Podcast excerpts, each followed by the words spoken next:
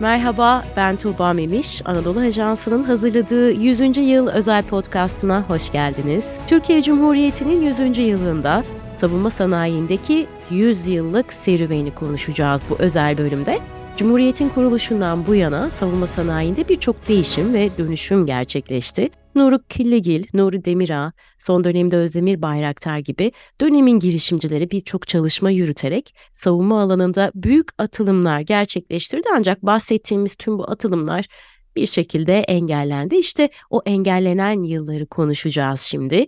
Değerli konuğum TEİ Yönetim Kurulu Başkanı, TUSAŞ Genel Müdür Yardımcısı ve aynı zamanda Yıldırım Beyazıt Üniversitesi öğretim üyesi Profesör Doktor Fahrettin Öztürk bizlerle. Efendim hoş geldiniz. Hoş bulduk, teşekkür ederim. Fahrettin Bey, savunma sanayinde 100 yıllık serüven dedik ve engellenen yıllara bakacağız. O yıllara dönelim şöyle bir. E, dönemin girişimcileri biraz önce bahsettim. Nuri Killigil, Nuri Demirağ, son dönemde Özdemir Bayraktar büyük atılımlar yaptı. Bu atılımlardan bahsedelim dilerseniz. Ülkemizin savunma sanayi alanında nasıl çalışmalardı bunlar? E, tabii ki. Şimdi burada Nuri Killigil ve Nuri Demir'a aynı dönemde yaşamış insanlar yani benzer doğum tarihleri de yakın. Birisi 1886, diğeri 1889 yılında dünyaya gelmişler. Bunun e, yanında Özdemir Bayraktar daha sonra yani son yıllarda önemli bir atılımcımız, önemli bir sanayicimiz ve önemli bir mühendisimiz. İsterseniz ben sırasıyla kısaca e, bu faaliyetleri e, dile getirmeye başlayayım. Bildiğiniz üzere e, Nuri Demirağ önemli bir iş adamı. Aslında biz onu sanayici olarak da nitelendiriyoruz. Çünkü Nuri Bey e, çok uzun yıllar Türkiye'de gündem olmuş, önemli çalışmalara imza atmış, Türkiye'de ilkleri geliştirmiş bir sanayicimiz. Tabii bu serüven içerisinde uzun yıllar sıkıntılar çekmiş, engellemelerle karşılaşmış, ve bir mücadeleyle dolu bir hayat sürmüş. Ben Nuri Demirağ'dan bahsederken çok net olarak şundan bahsetmek istiyorum. Kendisinin bir sözünden bahsetmek istiyorum. Bütün emelim Türk gençliğinin kanatlanmasını görmektir. Bu uğurda bütün şahsi servetimi feda etmiş bulunuyorum. İcap ederse sırtımdaki gömleğimi bile bu maksat uğruna satmaya hazırım diyen bir sanayicimiz. Tabii bu Türkiye'de özellikle birçok alan var. Sadece bir alan değil. Biliyorsunuz soy ismi Atatürk tarafından verilmiş bir sanayicimiz. Yani 1012 kilometrelik demir yolunu çok kısa bir sürede gerçekleştirdikleri için, bir yıl gibi bir sürede gerçekleştirdikleri için Atatürk tarafından kendisine Demir soy ismi verilmiş e, bir sanayicimiz ve birçok fabrikanın kuruluşunda yapmış, ilkleri gerçekleştirmiş. Hatta İstanbul Teknik Üniversitesi'nde Havacılık Fakültesi Üniversitesi'nin kurulmasında önce olmuş. Yani bugündeki havacılık çalışmalarımızın adeta temelini atmış e, bir sanayicimiz. Kendisi çok büyük çalışmaları var ve biz ama onu daha çok yani hep havacılıkla ilgili hatırlıyoruz. Havacılıkla ilgili e, çalışmalarından bahsediyoruz. Tabii neler olmuş yani aslında bütün ömrünü yani 38'li yıllardan sonra havacılığa adamış. Aslında amacı şu, Türkiye'nin genel gelişimine katkı sağlamak istiyor. Yani kendi memleket olan Sivas'ta bir üniversite kurmayı düşünüyor. Düşünebiliyor musunuz o yıllarda? Üniversite kurmayı düşünüyor ve gençliğin kanatlanmasını görmeyi düşünüyor ve ülkenin her noktasının gelişmesi için mücadele ediyor. Böyle bir sanayicimiz. Tabii burada en önemli çalışmaları da uçak alanındaki yaptığı çalışmalar yani uçak fabrikası kurması ve bu fabrikadaki yaşadığı sıkıntılar ve en sonunda hani fabrikanın kapanışı hatta belli bir süre e, baraj kapakları üretmesi ve en sonunda tabii bu serüvenin nihayetlenmesi. Arkasında da birçok sebepler var. Dönemin hükümetleriyle yazışmaları var. Bunlar resmi kayıtlarda görebiliyorsunuz. Yani ettiği mücadele var ve şunu çok net görebiliyorsunuz. Yani çok küçük bahanelerle bir büyük bir atılım sonlandırılıyor. Yani Nuri Demirhan hikayesi bu şekilde oluyor. Ve baktığımız zaman biliyorsunuz aslında kendisinin iki önemli Nu-36 e, ve Nu-38 iki tip uçak e, var ve bunlardan bir tanesi çok bilinen bir olay. Kendisinin mühendisi ve bir kazada da vefat eden Selahattin Reşit Alan beraber çalışıyorlar. Yani Nuri Demirağ'ın uçaklarının tasarımından sorumlu mühendisi ve 1938'de Eskişehir'e uçarak gidiyor. Yani bu uçaklardan bir tanesini aslında e, Türk Hava Kurumu'nun kabulü için kendisi şunu yapmaya çalışıyor. Bunu uçarak gösterip hem de Orada tabii e, İnönü hava üstünde bekleyen insanlar var. Böyle bir gösteri yapıyor. O anda da orada bir e, çukuru e, veya artık bir bölümü göremeyerek bir kaza meydana geliyor ve bu kazadan sonra da çok genç yaşta önemli başarılara imza atan Selahattin Reşit Alan vefat ediyor, rahmetli oluyor.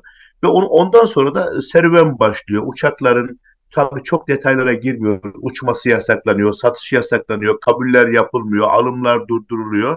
E, bunlar hep beraber e, yavaş yavaş havacılık alanında belki dünyada öncü olabilecek bir sanayicimizin önü kesilmiş oluyor.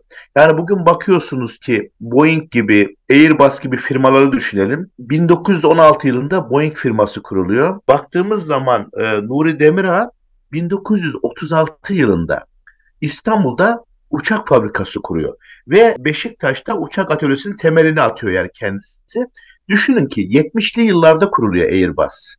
Bakın yıllar önce biz bu faaliyetleri ülkemizde başlatmışız ve önemli bir atılım. Belki hani bu faaliyetler sekteye uğramasa, çalışmalar devam etse bugünün belki Airbus'ını Nuri Demirağ kurmuş olacaktı. Yani bunu söylemekte hiç tereddüt etmiyorum. Önemli bir atılım yapıyor. O yıllarda Türkiye'de uçaklar üretiyor, uçuşlar yapılıyor, uçaklarının tanıtımları yapılıyor ve günün sonunda bu çalışmalar devam ettirilemiyor. Ve en sonunda da birçok pilot yetiştiriliyor ve çalışmalar durduruluyor. Şimdi burada şunu e, söylemek lazım. Yani Nuri Demirhan önü açılsaydı ülkemizde Boeing ya da Airbus gibi dünyada havacılık sektörüne öncülük yapan bir şirket doğar mıydı?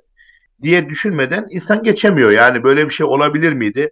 Acaba bu şahsiyet Türkiye dışında bir ülkede doğmuş olsaydı neler yapabilirdi?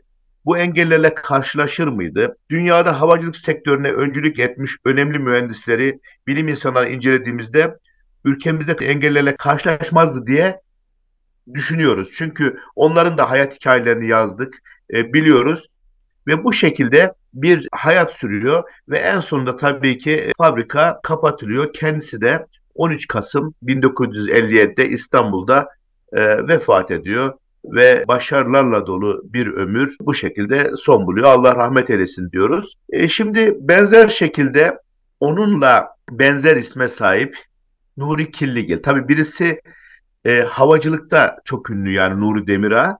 Tabii diğer yönleri de var. Bakın daha önce belirttim yani birçok alanda ilkleri gerçekleştirmiş ama esas bizim e, noktamız havacılık alanındaki. Nuri Killigil ise daha çok mühimmatlar konusunda, silahlar konusunda, e, efendim e, top mermileri konusunda, e, bombalar konusunda önemli atılımlar yapıyor. Şimdi Nuri Killigil ismini duyduğunuz zaman tabii e, bunu söylememiz gerekiyor. Önemli bir şahsiyet Türk e, tarihinde Enver Paşa'nın kardeşidir kendisi. Kuttul Emare'nin önemli kahramanlarından Halil Kut Paşa'nın da yeğenidir kendisi. Aslında ailede bir askeri gelenek var. Yani Enver Paşa'nın kardeşi ve kendisi olağanüstü e, mücadeleler yapıyor. Aslında ona Nuri Paşa da deniyor ama aslen paşa değil kendisi. Yani yarbay rütbesiyle emekli oluyor. Paşalık nereden geliyor diye sorabilirsiniz. Paşalığı da şuradan geliyor. Padişah onu Fahri Paşalık ünvanıyla görevlendiriliyor. Azerbaycan kahramanı olarak da bilinir kendisi. Özellikle önemli faaliyetlerinden bir tanesi biliyorsunuz ki Kafkasya'da Kafkas İslam ordusunu teşkilatlandırarak Ruslara karşı, Ermenilere karşı olağanüstü bir e, mücadele veriyor. Yani buradan dolayı da kendisi Azerbaycan'ın işgalden kurtarılmasına büyük katkı sağlıyor. Daha sonra da e, biliyorsunuz ki Sarıkamış'ın kurtarılmasında da önemli katkılar sağlıyor Nuri Killigil e, Paşa. Yani burada biz de tabii padişahın verdiği fahri bir ünvandan dolayı paşa ismini de kullanıyoruz. Ve daha sonra ülkemize geldikten sonra önemli çalışmalar yapıyor. Yani belli bir süre Sarıkamış'ta da bu Ruslardan kalan bazı atölyeleri tamir ediyor. Onları Kurtuluş Savaşı'nda kullanılmasına yardımcı oluyor ve önemli çalışmalara imza atıyor. Kendisinde aslında her zaman için teknik anlamda bir yetenek ve kabiliyet var. Tabii daha sonra 1938 yılında e, Türkiye'ye dönüyor. Belli bir süre yurt dışında yaşıyor ve Türkiye'ye geldikten sonra da ilk olarak e, Zeytinburnu'nda bir madeni eşya fabrikasını alarak burada çalışmalar yapıyor. Ve o kadar e, önemli çalışmalara imza atıyor ki burada tabanca, matara, gaz maskesi, mermi üretmeye başlıyor ve hem ülkemizin ihtiyaçlarının karşılanmasına katkı sağlıyor. Bunun yanında aynı zamanda da ihracat yapıyor. Yani inanılmaz bir şey. Yani bu bahsettiğimiz yıllar 1900'lü o yani 40'lı yıllarda bahsediyoruz. Yani Türkiye'nin o yıllarda ne durumda olduğunu bahsediyoruz ve daha da fabrikası büyüyor ve iyice genişliyor ve daha sonra bu fabrikasını e, Nuri Killigil Sütlece'ye taşıyor. Yani Sütlece'de de e, birçok yeni motorlar, hava mermileri falan dikkatle çekiyor. Yani o günün şartlarını düşünebiliyor musunuz? Yani yokluktan çıkmış, milli mücadeleden sonra bir ülke neredeyse küllerinden yeniden doğmuş ve bu ülkede havacılık alanında önemli çalışmalar yapılıyor, askeri alanında önemli çalışmalar yapılıyor, fabrikalar kuruluyor, ihracatlar yapılıyor, önemli şeyler yapılıyor. Bir şekilde tabii burada ilginç bir durum ortaya çıkıyor. Yani Nuri Killigil'in 2 Mart 1949 yanlış hatırlamıyorsam tarih e, Sütlüce'deki fabrikasında büyük bir patlama meydana geliyor. Çok büyük bir patlama meydana geliyor. E, çünkü İstanbul'un içine yakın olduğu için fabrika bu Sütlüce bölgesinde olduğu için çok inanılmaz şekilde İstanbul içerisinde de bu patlama hissediliyor. Ve tabii burada o anda Nuri Kirligil'de fabrikada tahminimi söylüyorum. Bu kısım tahmin. Yani patlamanın daha büyük neticeler vermemesi için içeride herhalde kimyasal maddelerden uzaklaştırabilmek için içerisi kendisi de giriyor. Yani belli bir ekip de onu takip ediyor. Maalesef kendisi gittikten sonra daha büyük bir patlama meydana geliyor ve kendisinde hiçbir yani e, paramparça oluyor tabii. Cesedi bulunamıyor e, ve bir boş tabutla defnediliyor o günün şartlarında. Yani bu önemli e, çalışma bu şekilde sonlandırılmış oluyor. Gerçekten de çok hazin bir e, e, durum e, ortaya çıkıyor ve önemli başarılara imza atmış hem askeri alanında hem sanayi alanında önemli bir şahsiyet bu şekilde şüpheli bir ölümle, şüpheli bir patlamayla e, hayata gözlenemiyor. Bunun bazı tabii şu görüşleri de duyabilirsiniz. Ya orada herhangi bir şüphe yok. Yani bir e, ihmaldan dolayı patlama meydana geliyor diye ama tabii oradaki bütün delilleri, bütün şeyleri okuduğunuz zaman yani fabrikasını genişlettiği anda dış ülkelerden o günün siyasi olaylarını göz önüne aldığınız zaman aldığı siparişleri göz önüne aldığınız zaman burada bir sabotaj olma ihtimali açık ve not olarak belli oluyor. Bu e, abide şahsiyetin de hayatı e, bu şekilde sonlanıyor. Üçüncü olarak da son dönemin önemli e, sanayicilerinden, mühendislerinden birisi olan Özdemir Bayraktar Beyefendi. Tabii ben kendisiyle ilgili de havacılık tarihinin unutulmazları isimli son kitabımda da kendisinin hayatını anlatmıştım. Önemli başarılarından e, bahsetmiştim. Tabii biz burada kendisini hep tanıtırken milli teknoloji hamlesi ve savunma sanayi öncülerinden birisi olduğunu söylüyoruz. Burada da tabii Özdemir Bey'i tanıtırken onun birkaç sözünü de e, okumak istiyorum. Aslında Özdemir Bey'i daha iyi anlamak, daha iyi tanımak için bu sözlerin çok etkili olacağını ülkemiz için insansız uçağı ilk yapan bizler olmalıyız. Çünkü Türkiye'nin buna ihtiyacı var. Güçlü ordu, güçlü Türkiye gerekiyor coğrafyamızda. Ülkemiz İHA teknolojilerinde tam bağımsızlık ve dünya liderliği hedefine ulaşana kadar çalışmalarımız tüm varlığıyla durmaksın devam edecektir. Birilerinin yurt dışına bağımlı olma zorunluluğu milletimize olan sorumluluğumuzun önüne geçemez. Hakkı üstün tutmak yaşam gayemizdir. Aslında yani bu sözlerinden e, Özdemir Bayraktar'ın ülkemize nasıl hizmet etme aşkıyla olduğunu açık ve net olarak anlayabiliriz. Yani Türkiye'nin envanterine giren ilk yerli insansız hava araçları sistemi olan Bayraktar Milli İHA ilk e, ülkemizin ilk silahlı insansız hava aracı olma ünvanı elinde bulunduran Bayraktar TB2'nin ve Bayraktar Akıncı'nın fikir babası ve özgün e, tasarımlarının sahibidir. Bu önemli e, şahsiyet kendisi e, makine mühendisidir. uzun gayretler sonucunda yani neredeyse ömrünün 20 yılını fabrikada geçirmiş, sahada geçirmiş, e, askerlerimizle konuşmuş, ihtiyaçları tespit etmiş. O günkü şartlarda çok küçük imkanlarla bu faaliyetleri başlanmış. Bugün dünyanın isminden bahsettiği, övgüyle bahsedilen ürünlerin sahibi bir şirketin kuruluşunu gerçekleştirmiş, büyütmüş. Şu anda da kendi evlatları bu doğrultuda ülkemizde önemli başarılara imza atıyorlar. Sadece ülkemizde değil, dünyada da isimlerine söz ediyorlar. Yani bunu gururla ve iftiharla söyleyebilirim ki dünyanın en iyi İHA'larından bahsedilirken ülkemizdeki İHA'lar ilk 10 insansız hava listesinde yer alıyor. Tabii bu çok önemli bir başarı. Bugün 2000'li yılların başlarında diyelim bu son yıllardan bahsedersek yani kendimizin ismiyle söz edeceğimiz herhangi bir ürünümüz yok yani. Tabii ufak tefek olabilir ama dünyanın bizden bahsettiği ürünlerimiz yok. E, baktığımız zaman e, yani 2000'li yıllardan sonra yani bugünlerde birçok ürünümüz dünyanın merceği altında birçok insan bizim ürünlerimizi konuşuyor, dergilere kapak konusu oluyor, görsel medyada tartışılıyor.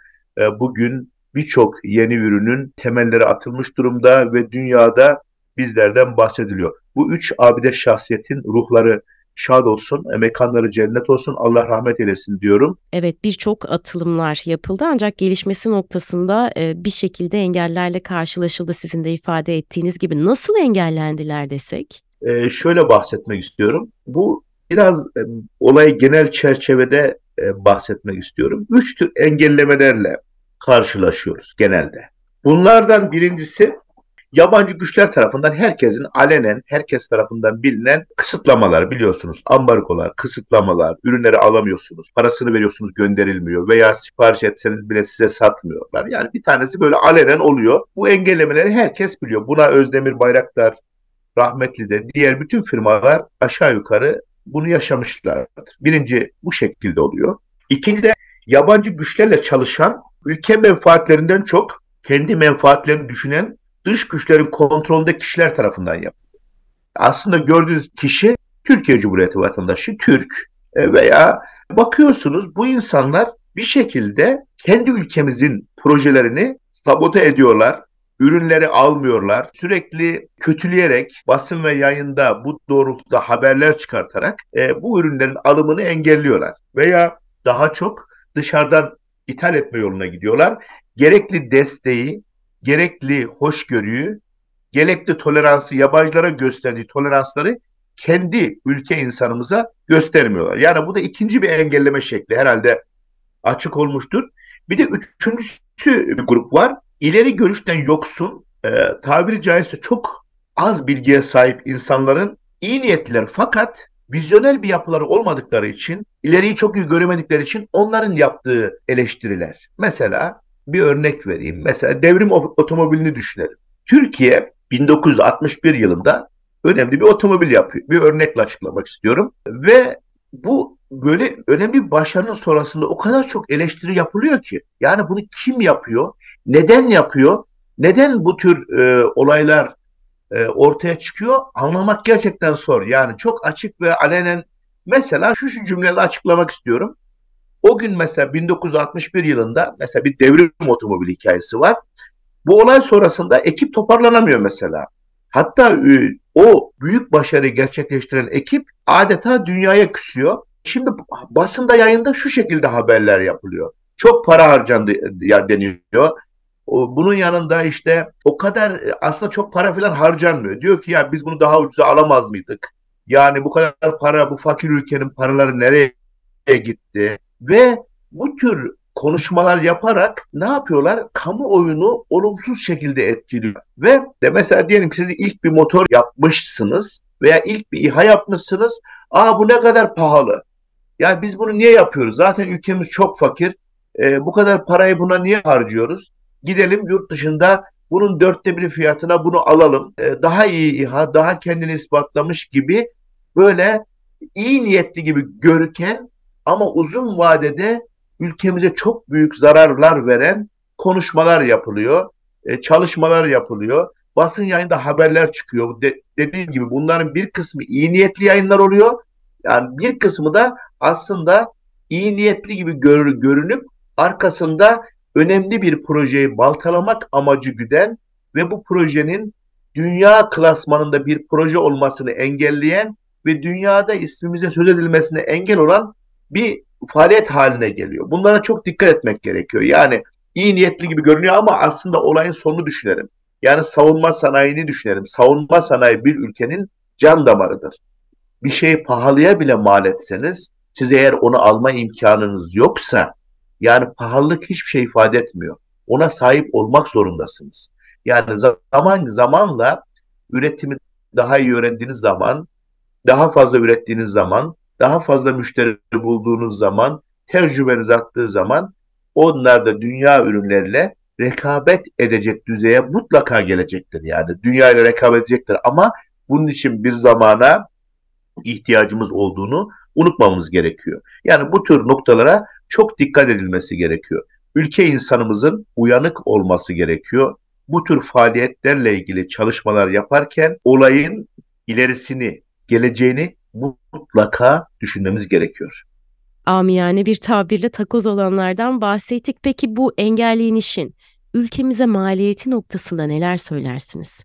Bakın e, biraz önce e, aslında bu sorunuza kısmi cevap verdim. Düşünün ki dedim ki bugün e, Nuri Demirağ'ın faaliyetleri devam etseydi bugün milyarlarca dolarlık bir havacılık şirketimiz olabilirdi. Bugün biliyorsunuz ki Airbus'un, Boeing'in ciroları 100 milyar dolar gibi rakamlar. Yani burada nasıl bir e, kayıp olduğunu e, tahayyül edebilirsiniz. Bugün mühimmat konusunda çektiğimiz sıkıntılar düşünün. Kıbrıs Barış Harekatı'nı düşünün, terörle yaptığımız mücadeleyi düşünün ve Nuri Killigil'in fabrikasının devam etseydi bugün dünya devi bir savunma sanayi tedarikçimiz olacaktı ve mühimmatlar konusunda belki de dünyanın en ileri ülkelerinden biri olmak ya, yaşayacaktık. Son 20 yılda ülkemizde savunma alanında yapılan atımlardan bahsedecek olursak ne durumdayız? Onu şöyle söylemem lazım. Aslında tabii ben bir havacılık e, alanında uzmanım ama şunu çok net söyleyebilirim. Hava, kara, deniz her alanda muazzam bir gelişme yaşıyoruz. Ve birçok ürünümüz var. Hani size konuşmamda söyledim. 2000'li yılların başlarındaki ürünlerimizin ismini sayalım.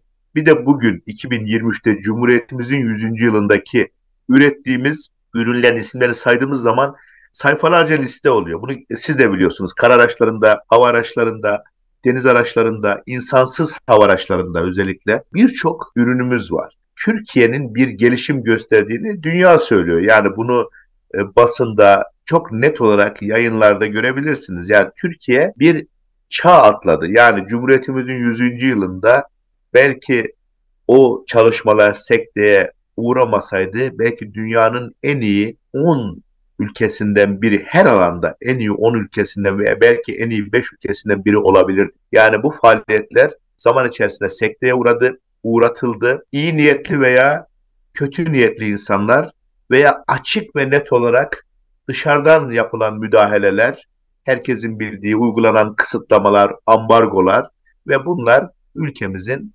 gelişmesine sekte vurdu ama şu anda hani Cumhuriyet'in 100. yılında önümüz açıldı. İleriye doğru devam ediyoruz. Bunun devamı gelecek ve bu bu doğrultuda bu e, yönde inşallah dünyanın en iyi şirketleri bizim şirketlerimiz olacak ve dünyanın en güçlü savunma sanayi bizim savunma sanayimiz olacak. İnşallah dünyanın en güçlü havacılık şirketleri bizim şirketlerimiz olacak ve bu uğurda çalışıyoruz. Hükümetimizin, devletimizin bu anlamda çok ciddi destekleri var. Bu destekler sayesinde de yolumuzda kesintisiz devam ediyoruz. Evet değerli dinleyiciler, Türkiye Cumhuriyeti'nin 100. yılında savunma sanayindeki 100 yıllık serüveninde engellenen yıllardan bahsettik. Değerli konuğum TEİ Yönetim Kurulu Başkanı, TUSAŞ Genel Müdür Yardımcısı ve aynı zamanda Yıldırım Beyazıt Üniversitesi öğretim üyesi Profesör Doktor Fahrettin Öztürk bizlerleydi. Teşekkür ediyoruz kendisine. Bizi dinlediğiniz mecralardan takip etmeyi unutmayın efendim. Hoşçakalın.